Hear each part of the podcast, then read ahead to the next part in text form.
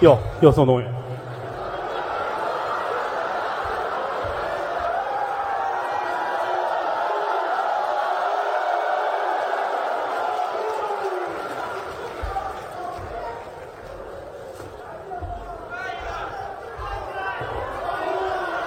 我说得有这么大个儿吧？谢谢。哎呦这这这是怎么带来的？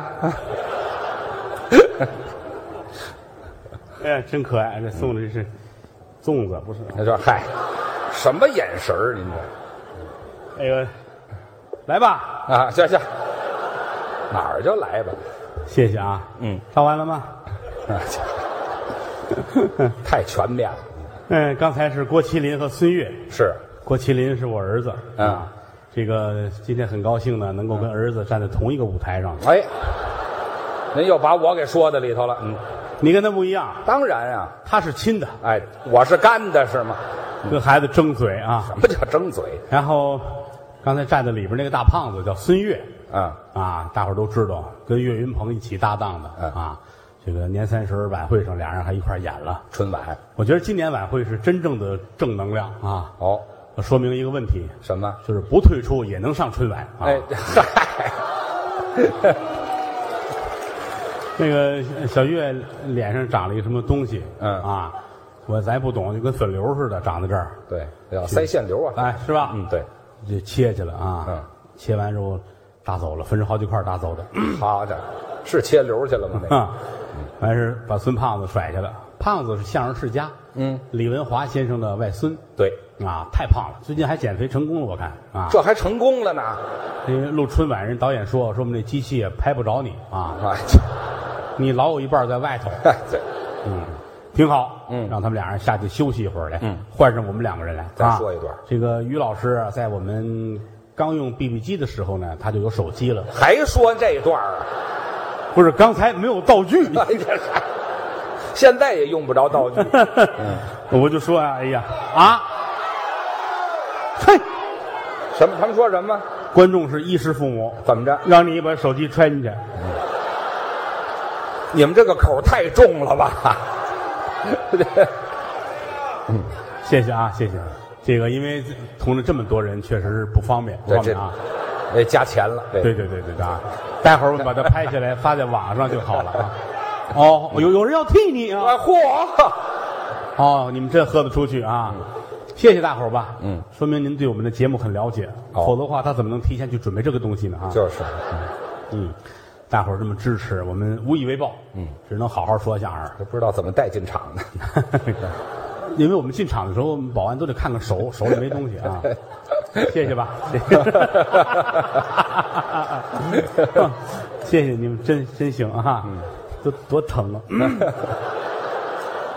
这个礼物是送给于老师的，一人一个。哎，俩都是你 哎，的，这嗨， 俩都是你的，因为我觉得你值，嗯，真的，嗯，我们别人没有这个水平，没有这个资历，整个中国相声界您可圈可点，客气。这是一个刚烈的汉子啊。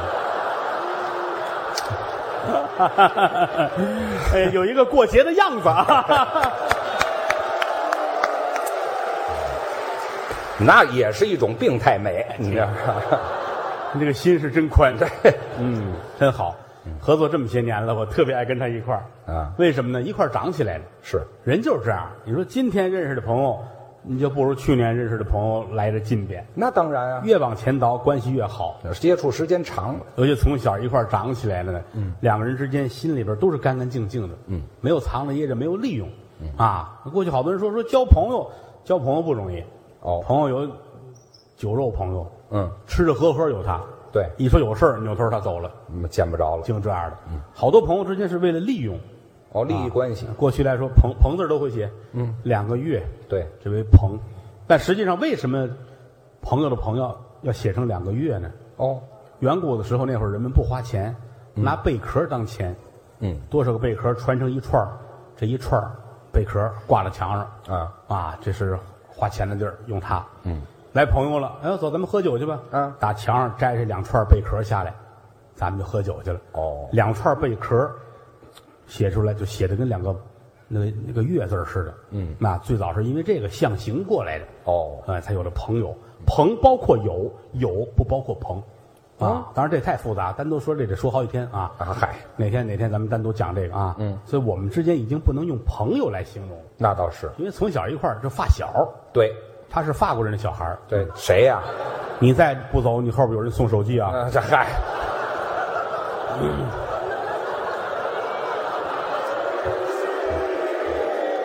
你看他跑得多快，这想想都后怕。 不是他，关键他跟这儿趴在那儿，他他撅着台板这儿，他挡着后边观众。嗯，你头一排那观众，你知道多愣啊！保不齐就谁掏点什么存账。嗯，啊，谢谢吧。哎呦，这都跪下来，平身吧，这嗨，众卿平身吧。啊，快快那么回去些吧。话呀？真好啊，爱跟大伙儿聊天儿。那可不相声就是这个，其他的艺术形式不行，唯独相声台上台下偶尔的有个小互动，嗯这是很高级的表演技巧。对，你通过观众有时候搭下茬儿，你也会知道哦，这个人听相声多少年了，哦这是新来的，哦，这就是为起哄来的，嗯啊，一般来说呢，之前以前我们小时候说相声到十年前吧，啊搭下茬儿的都是呃男孩儿多，哦，尤其是带着女朋友来那个，嗯，他一定要搭下茬儿，这是为什么？这就是激励相声演员，你一定要好好的演出。哦，演员要站在观众前边儿嗯，我这句话说完了，你不能想到是什么。嗯，你想到了，观众马上瞧不起你。哦尤其带女朋友来了那个，嗯，你快说到了，他告诉你，哎，一定会说这个说这个。嗯，你说完跟他一样，他都要飞起来咬人了，就啊，是啊，你怎么给我讲 哎这啊？嗨，你就拦不住他。嗯，有时候在台上我能看见，哎，俩人聊天儿。男孩跟女孩那儿嘀咕，嗯，哎，如果觉得俩人挺般配的，我就还配合他说两句，哦哎，然后就没别办法，哥帮你一把是吧？嗨，啊，有时候俩人长得都不好看，我看看着可恨，我就往死里弄你呢。哎这，你搭这一回茬，我给你一句，你这半辈儿你都不敢大声说话。 啊，这原原来近十年来，我看女孩搭茬的越来越多。啊，你看看，这嗨，哎，好，谢谢，好，谢谢 啊！现在这女孩都喝得出去，真哎的这嗨，啊！谢谢，我锻炼啊，我要身体好怎一点。么就锻炼呀？哪儿就锻炼呢？你 老了，你们来晚了，真不行了。现在身体，嫂子也说我说你，哎别说了，我有证人这啊！你看说到哪儿忘了不是？啊，重来 吧啊。刚才是郭麒麟，所以呢，我有一个跟儿子，从哪儿说呀？这就是这就是听相声的乐趣啊啊！你干别的哈，你说交响乐、芭蕾舞，你坐底你敢搭茬吗？啊对？吧？人家外国人那交响乐跟这儿这儿，你底下搭茬，保安非给你捆出去不 可，这嗨，弄到门口树上捆好，泼凉水打你。啊哎，呦，这是保安吗？这个，咱票贵， 这嗨，哈所以说相声是一个很独特的艺术形式。嗯，我们都是从小学起来的，嗯从小一块儿长大，这都发小吧？对，啊，他是法国人的小孩，又来了。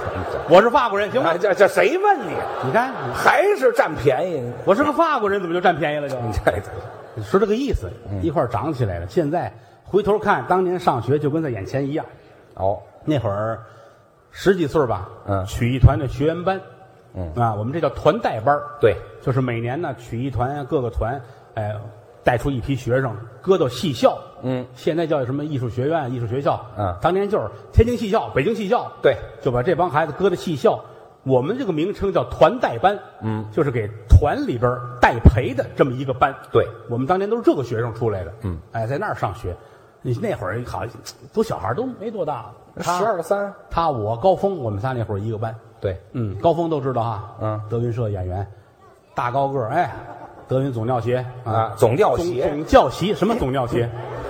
总教习戴个眼镜儿，斯文败类的状态啊。嗨，我们仨一个班的同学，他比我们大四岁，嗯，竟然一个班啊，您就说我蹲了四年半是家里花钱了，花钱啊，这没提钱，因为他们家过去跟皇上是本家儿又来了， 就非说刚才那个是吗？啊我就爱说那个，不给钱就干。嗯，打小我们仨一个班，嗯那会儿没多大呀，那会儿他那会儿还，他那会儿比桌子高点儿有 限。那可不是吗？小的时候胖，嗯家里有钱，吃的好，足蹦，高峰大高个儿，瘦的跟电杆子似的。那先长个儿，我们仨一班那会儿，嗯，那会儿觉着小时候也没钱，反正特别开心哈。这穷欢乐嘛，学校门口那小卖部我们老去啊，就拿五块钱，嗯，铅笔、橡皮尺、那便宜小玩具，是什么那个一块一块大个的那个那个泡泡糖是吧？买一堆还有那个皮条糖，嗯对对啊，对小玩意儿，啊就是那个拉的那个拽着那个糖啊，完事儿什么这吃那个豆儿啊嗯豆儿还吹那泡儿那玩意儿啊对，各种东西反正一大堆，五块钱带五块钱就去了。是现在门儿也没有，没有了，现在都装了监控了，嗯偷东西去了，跟监控有什么关系现在物价也涨了，咱们也老了，啊？但是依然不变的是您的风采。嚯，哎，你看看，当年比现在还精神啊！那是啊，那会儿全学校就一个敢抽烟的，就是他。那时候就抽，台上老开玩笑，于谦儿三大爱好：抽烟、喝。 你们说的都不齐，你知道吗？啊，于谦三大爱好，耶！哎呀呀，老这么说有意思吗？有意思，有意思。他们这票里边带着这个啊，还来一遍，行了，不合适了啊。嗯嗯， 这抽烟是真抽烟。嗯，上学那会儿就是一下课，他弄烟卷站楼道，就抽，可帅了，我们都怕他，比我们大呀。啊嗯，谦儿哥，啊，嚯，干嘛呀？我这，哇，好帅哦，好帅 哦，请教个问题行吗？啊，说啊，呵，猪是怎么死的？嗯，你管我怎么死啊的？谁问我了？这是问我呢吗？这个，挺好。嗯上学的时候，他们俩人都是好学生。嗯，我不行，您我不爱上学。哦，我上学老师问什么那个那个什么数学的那个玩意儿，那个英语，打死我也不会啊。哦， 啊，什么买菜多少钱，怎么叨叨，完事是水池子，这池多少水，叨了那池子，啊撑的嘛，这不是？嗨，我一想，以后我说相声，我哪辈子用上这个玩意儿？啊，不爱上学，也不爱写作业，那作业是啊一存存存这么些个作业，不爱存不爱写，哎呦不，爱写。那天教室着火，嚯， 把我美死了，哈哈，太好了，嗯，把那作业拿出来，哦，去你的，扔火堆里，扔，火堆里边，哼，把火扑灭了。哎嗨，白费劲了，尤其讨厌考试，嗯，一到考试要我的命了。那就要盒钱了，那是我坐当间儿，这边是高峰，这边是于谦哦，啊。高峰会写啊啊啊，戴眼镜儿啊写啊，人家他眼神儿好啊，眼神儿隔着我能抄，看那么远，他那眼儿眼儿眼神儿眼神儿好，要不人家能装手机呢。我这定眼一看就看见了。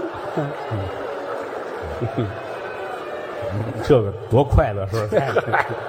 这行不挣钱都能干。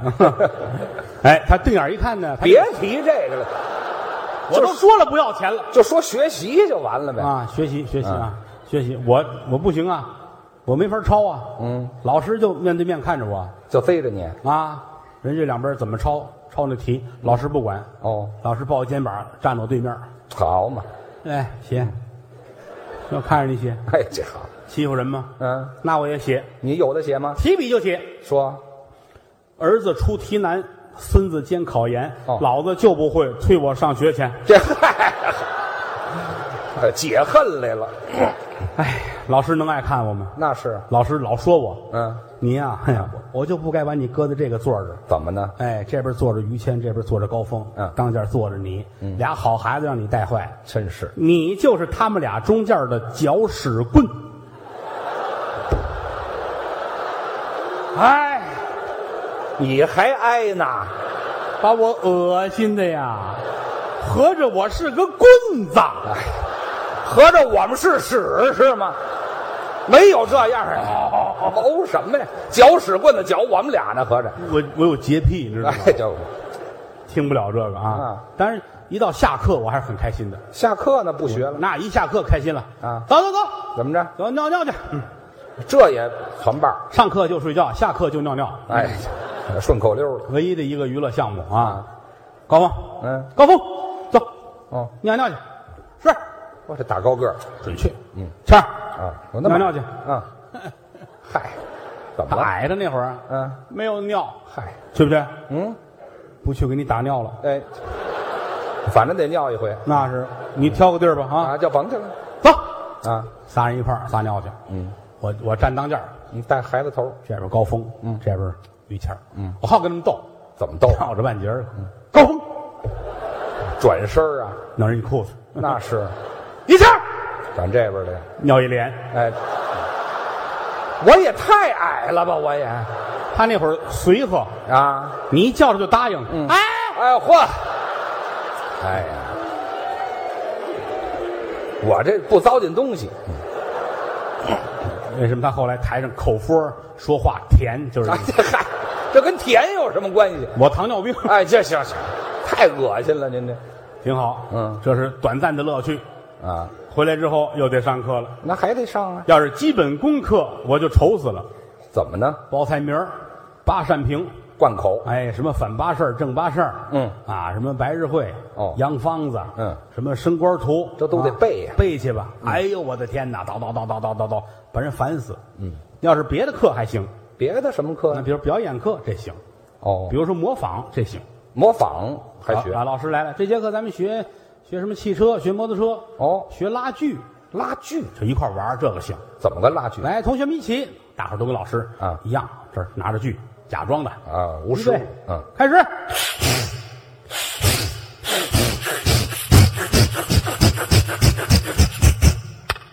你瞧，还记得呢。这个高兴，嗯，特别好玩这个哦要把手搁谁脖子 那儿，嗨，哎，开玩笑，痛快，小孩就这个嘛，哎嗯，要不这节课学动物叫，动物学什么呀？郭德纲，嗯，你什么小狗怎么叫，我学狗。啊我就得站那儿，汪汪汪汪，来这个，哦，高峰，嗯，羊怎么叫？嗯，高峰咩，于谦儿，嗯鸡怎么叫？嗯鸡怎么叫？嗯，他这儿，嗯，大爷来玩儿啊，什么鸡呀、这是？我这成熟的也太早了吧，我就这个开心。啊，一会儿下课了，下课了，走，尿尿去，尿频呢是怎么着呢？没有别的玩儿的。那那撒尿玩儿啊？高峰，高峰，走尿尿去。等会儿啊，喝点水，续上 点儿。哎，这好嘛！哎，这是下节课的。哎，走，跟我走，嗯得存点儿，要不然到时候打尿了也是事儿。嗯，人家于谦儿，嗯，等着吧，哦，我拿纸，这个 我来个大的，嘿，好嘛，攒下来了。一大卷子纸。嗯，那会儿那会儿上厕所不像现在似的啊我们小时候哪有家家都是那个一卷一卷的白的那纸啊，不那么嗯富裕。没有，就拿草纸裁的。哦，那高峰他们家拿报纸擦屁股，嗨，他爸爸买那个晚报，嗯把那个文艺版剪下来，给儿子上厕所用。干嘛还单捡文艺版呀？学习嘛，就是为了还得看看以后干文艺啊。哦，高峰屁股上天天都是文艺新闻，哎，这好嘛，都印上了。嗯人家拿着一大捆，嗯，一大卷子，带香味儿的进口的那个那个卷纸，嚯、啊，于谦儿，嗯，接手去喽。哎，我这是接手去了，这是大碉堡去了，我这是。我们俩到那儿，我们结完了，嗯人家大的呀，啊，人家跟那儿等着，嗯，我们都走了，他跟那儿显摆这纸，嗯，好香哦，嗨，哦，好香啊，也是没事儿干你了。们谁闻闻？嗯，就有那高年级的啊，啊，嚯哎，是挺香啊。啊，走了，你倒还给我呀！这节课没回来，啊好，蹲四十五分钟，下课了，嗯，我跟高峰赶紧救他去，好嘛，怕冲走了呀，掉下去了还。扶着他一边一个，架着嘎着窝，嗯在操场上练走道， 哎，这好，都蹲木了。蹲麻了，嗯，这就少上一节课，嗯，再回来上午最后一节课，啊，一般这节课都害怕，怎么害怕？一般这节课学校请的是艺术界的老前辈，啊，我们这儿的老艺人，哎，我们那会儿请的就是曲艺界的老先生，嗯，都是八九十岁的那个老头儿们，对，可厉害了，有能耐。骂人也狠，都害怕，嗯，那会儿教我们的是那黄先生，哦，哎，搞曲艺唱小曲儿的，呃，哎不小了年那纪。年就九十一岁了吧？嗯，黄先生姓黄，对，毛片儿的那个黄。哎，这这这，没有这么介绍人的，好，黄先生一来，校长、主任、班主任都跟着，啊，都听。都跟着，坐到最后一排那嗯儿伺候着。老头儿在前面给来一凳子，哦，坐着。九十一了，嗯脸上皱纹堆垒，哦这胡子在这儿跟齐白石似的，嗯眼很有神，嗯，说话特别亮，搞这个的都怕他，嗯，都怕他哆嗦着，嗯，老怕他叫我们回答问题。叫吗？哎呃，这节课到把上节课的那个小曲儿复习一下啊，我这是要复课，心都在这儿了啊！哎，各位叫啊，什么学生？啊各位叫我呀，各位都都害怕嗯啊！大头看，嗯，于谦上来就叫我，头一个，我至于这么害怕吗？我黄先生看看他，嗯，来电话了，怎么来电话？哪儿就来电话了？那会儿还没电话呢，没电话，废重话，来重来重来，从来像话？哪儿就从来？于谦，您按词儿说，你看跟刚才一样，嗯，站好了，我在船上呢。你有样吗？哎，这说说站有站样，坐有坐样。对，你跟你哆里哆嗦干嘛呢？嗯，你这个状态怎么就好像上厕所让人把纸骗走了似的？这是唱曲儿的，是算卦的呀？这个，他怎么什么都知道啊？他把上节课我教你的唱一遍。嗯，哎，是先生。啊，烛影摇红雁，透纱窗，雨后。住手！咱啊不让唱了。唱的什么东西？嗯，不用功的玩意儿、啊！哼，唱的还不如我孙子呢。这叫什么话？你说老艺人旧社会过来的，就这样。啊？也没人敢说别的，嗯，骂你就听着呗，嗯，唱的还不如我孙子。但是于谦儿并不觉得丢人，我干嘛呀？这你我们十几岁，他九十一了，哦，他跟他孙子是，他孙子五十了都，这哦好家伙，啊，我们一点都不丢人啊。于谦儿很开心，那我我我也不至于开心，啊我我干嘛挨句骂还挺开心呢？坐下了。啊，高峰，到他了，你看，这就是拿我指那个，你看，先生啊，唱《烛影摇红雁》，住口！也拦住什么东西？嗯，唱的还不如我儿子呢。高峰看看于谦，乐了。哎，他是乐了嗯，我这心都到这儿了。啊，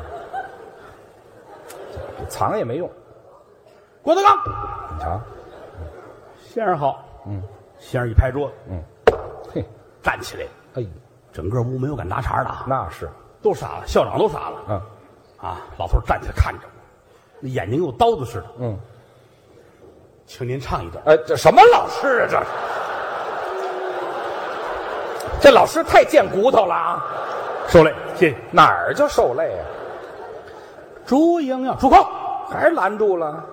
唱的还不如我爸爸呢。哎， 这嗨，这老师跟你一块儿占便宜。嗯这节课完了，嗯，送先生走，嗯，班主任还得训话呢。他们说什么呀？黄先生走了，嗯，我得批评你们啊，怎么着？得用功，哦，听见了没有啊？嗯，这个有的同学表现很不好，尤其是郭德纲、嗯，高峰、于谦，你们祖孙三代，哎，你给拎的这个，谁给拎这个？你们得在意点，好好练啊。嗯，高峰昨天吃冰棍儿了吧？是吃不是冰棍儿怎么了？不许吃冰棍儿啊，嗓子坏了啊。哦于谦儿那个吃饺子的时候吃辣椒吃太多了，不行啊，都不让吃那个，这都拦着。怕嗓子坏了呀。嗯，酸的不行，哦，甜的不行，辣的不行，咸的不行，都不行太烫的不行啊。我们班主任啊大米饭都拿剪子把两边尖儿绞了去。这也太细致了吧？后来班主任饿死的，哎，这嗨这，你这这么吃没个不饿死。哎，现在回头想一想，多亏先生们当年对我们的教诲。是当然，你说我们跟先生们比，差之万倍。啊，晚不如朱砂没有，红土为贵。嗯，包括保护嗓子，跟人家能比吗？保护嗓子有方法吗？当年有一位刘宝全先生，嗯，那是古界大王啊，那是唱京韵大鼓的前辈。嗯，人家这一辈子为了嗓子，连肉都不吃，哦，全素偶尔说馋了，炖点牛肉，嗯把肉搭出去，拿那汤烩菠菜吃。还是吃青菜？哎，睡觉前大个儿的鸭梨、雪花梨切一片儿，含在嘴里面。哦，这是干嘛呀？这一宿吐出来之后，早晨看这梨是黑的，这黑的是肺火吸出去了。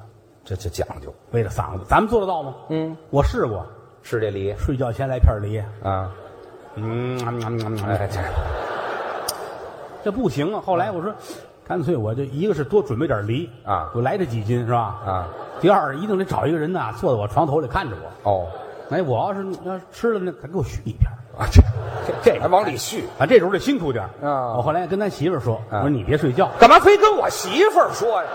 你找你媳妇儿去。他媳妇儿不答应，我看跟我媳妇儿说吧哎，，这还看着点儿啊，弘扬民族文化，知道吧？振兴戏曲事业，啊嗯，哦我一嚼了，你给我续一片儿，好吧？ 哎，买了五斤梨，五斤呐，这么大个儿大梨，买五斤，切成片儿，嗯码一盘子，嚯搁在那儿嗯，我睡觉，你看着我啊，啊，躺下了，早晨一睁眼，嗯，没有啊，没续啊，木有啊啊嗯你怎么回事啊？嗯，弘扬民族文化，就是，振兴戏曲事业，那怎么不续呢？你点正能量都没有啊？啊，你怎么不给我续呢？啊，嗯怎么没续啊？啊续没你吃的快，啊，三分钟五斤梨就下去了。好家伙，我还饶进半斤饼去，哎呦，手要是不快，连戒指都没了。好的，这是抢劫来了，哎，现在回头一想啊，嗯，当年先生们教诲对我们受用终生，没错儿，是不是？那会儿在学校里边挺好，嗯想学京剧了，有没有相声里边黄鹤楼？哦哎，就这类节目涉及到京剧了，嗯送我们上京剧团，哦，戴培哎，送到那儿学去，嗯，到京剧团他如鱼得水，怎么呢？人缘好啊。哈我们俩一到京剧团，好家伙，都认识他啊拉大幕的、扫地的、卷台毯的、弄布景的，嗯后台负责叠衣服、烧开水的，仙儿来喽，跟我好着呢一块儿喝酒聊天，给烟卷抽，是是是哎我就完了，这都不认识我，哦我一去了就是那个什么唱丫鬟、唱小姐的、青衣啊、花旦呐、大姑娘、小姑娘，四十来人围着我，哎呀，烦的呀！我也其实挺想烦一烦的，你知道吗？就没人围着我，嗯嗯，这就不一样，不一样， 是不一样 嗯那会儿还小，那会儿还小啊。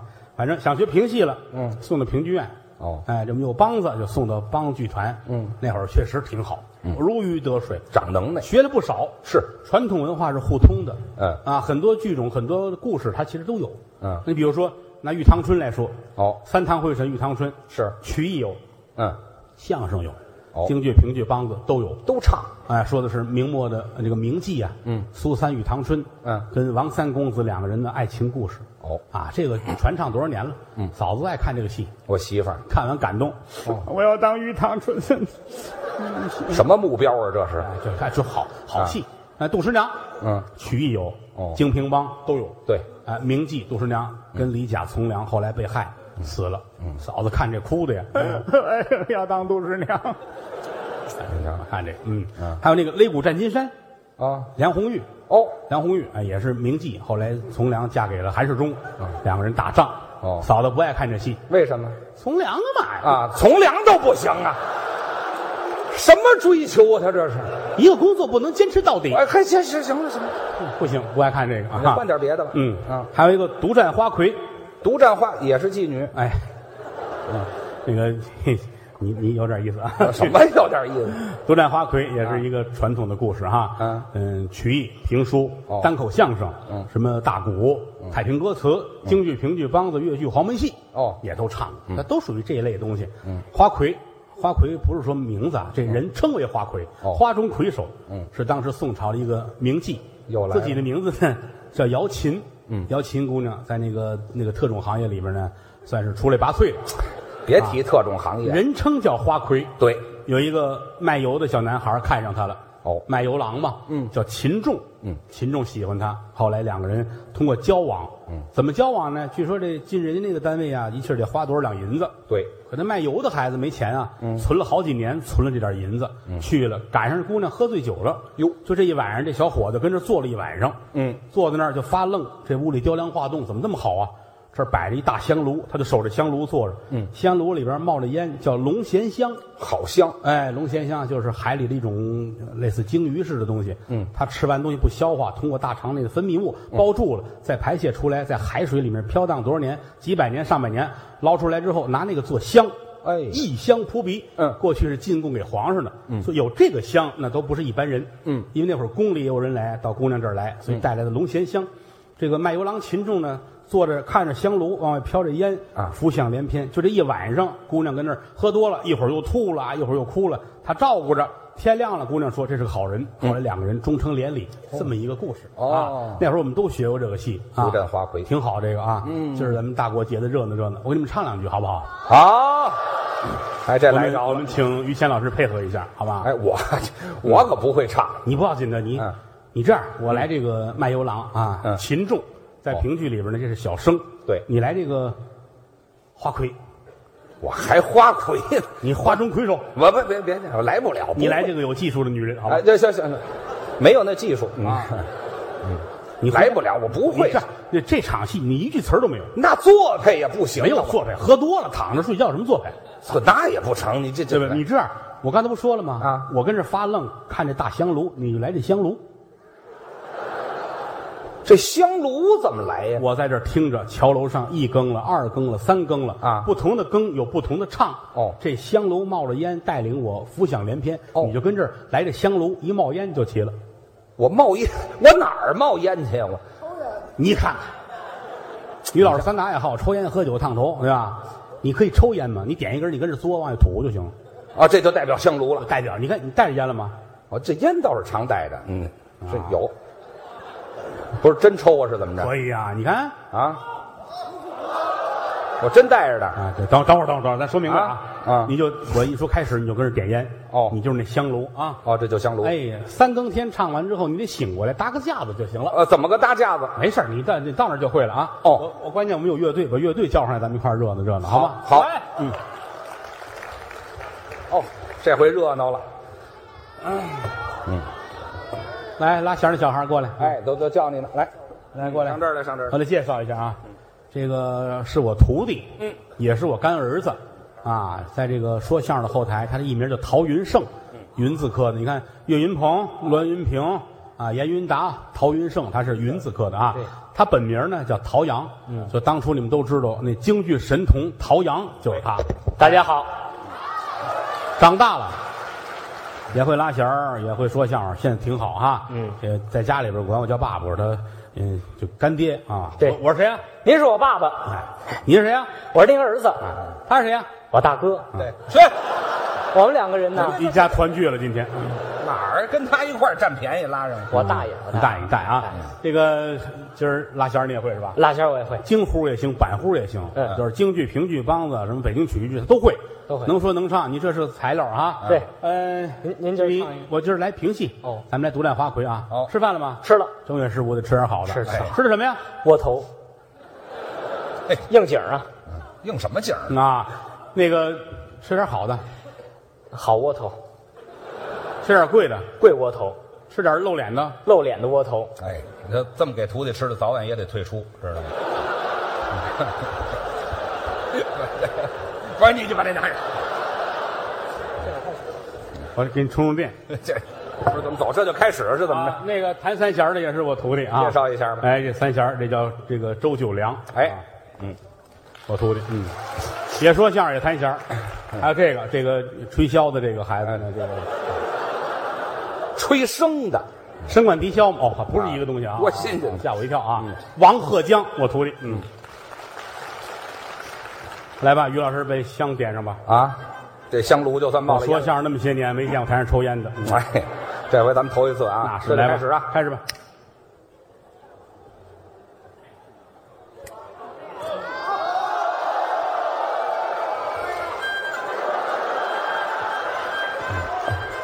列位，嗯行你们算来着了啊！哎，香气扑鼻，还行了，可以了，够瞧的了啊！来吧准备好了吗？来吧！来，开始。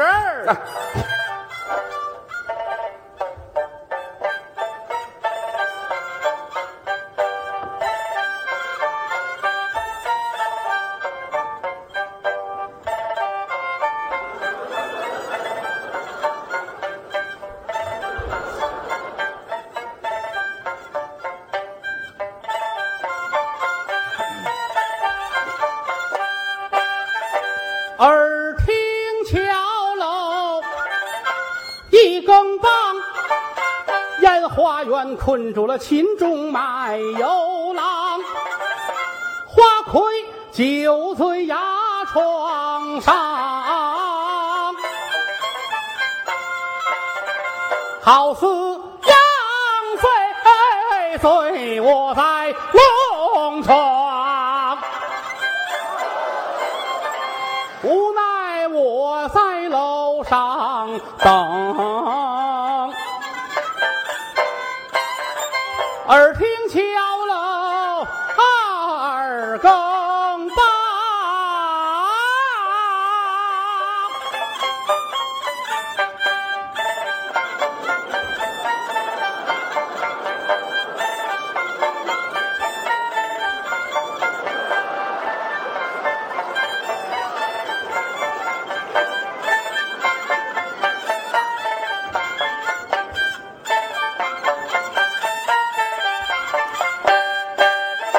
二更二点，月光华，八仙桌四个盖碗儿一壶茶，一壶暖茶温在手。姑娘醒了好喝茶，我在楼上寻芳遍。姑娘醒来把火打，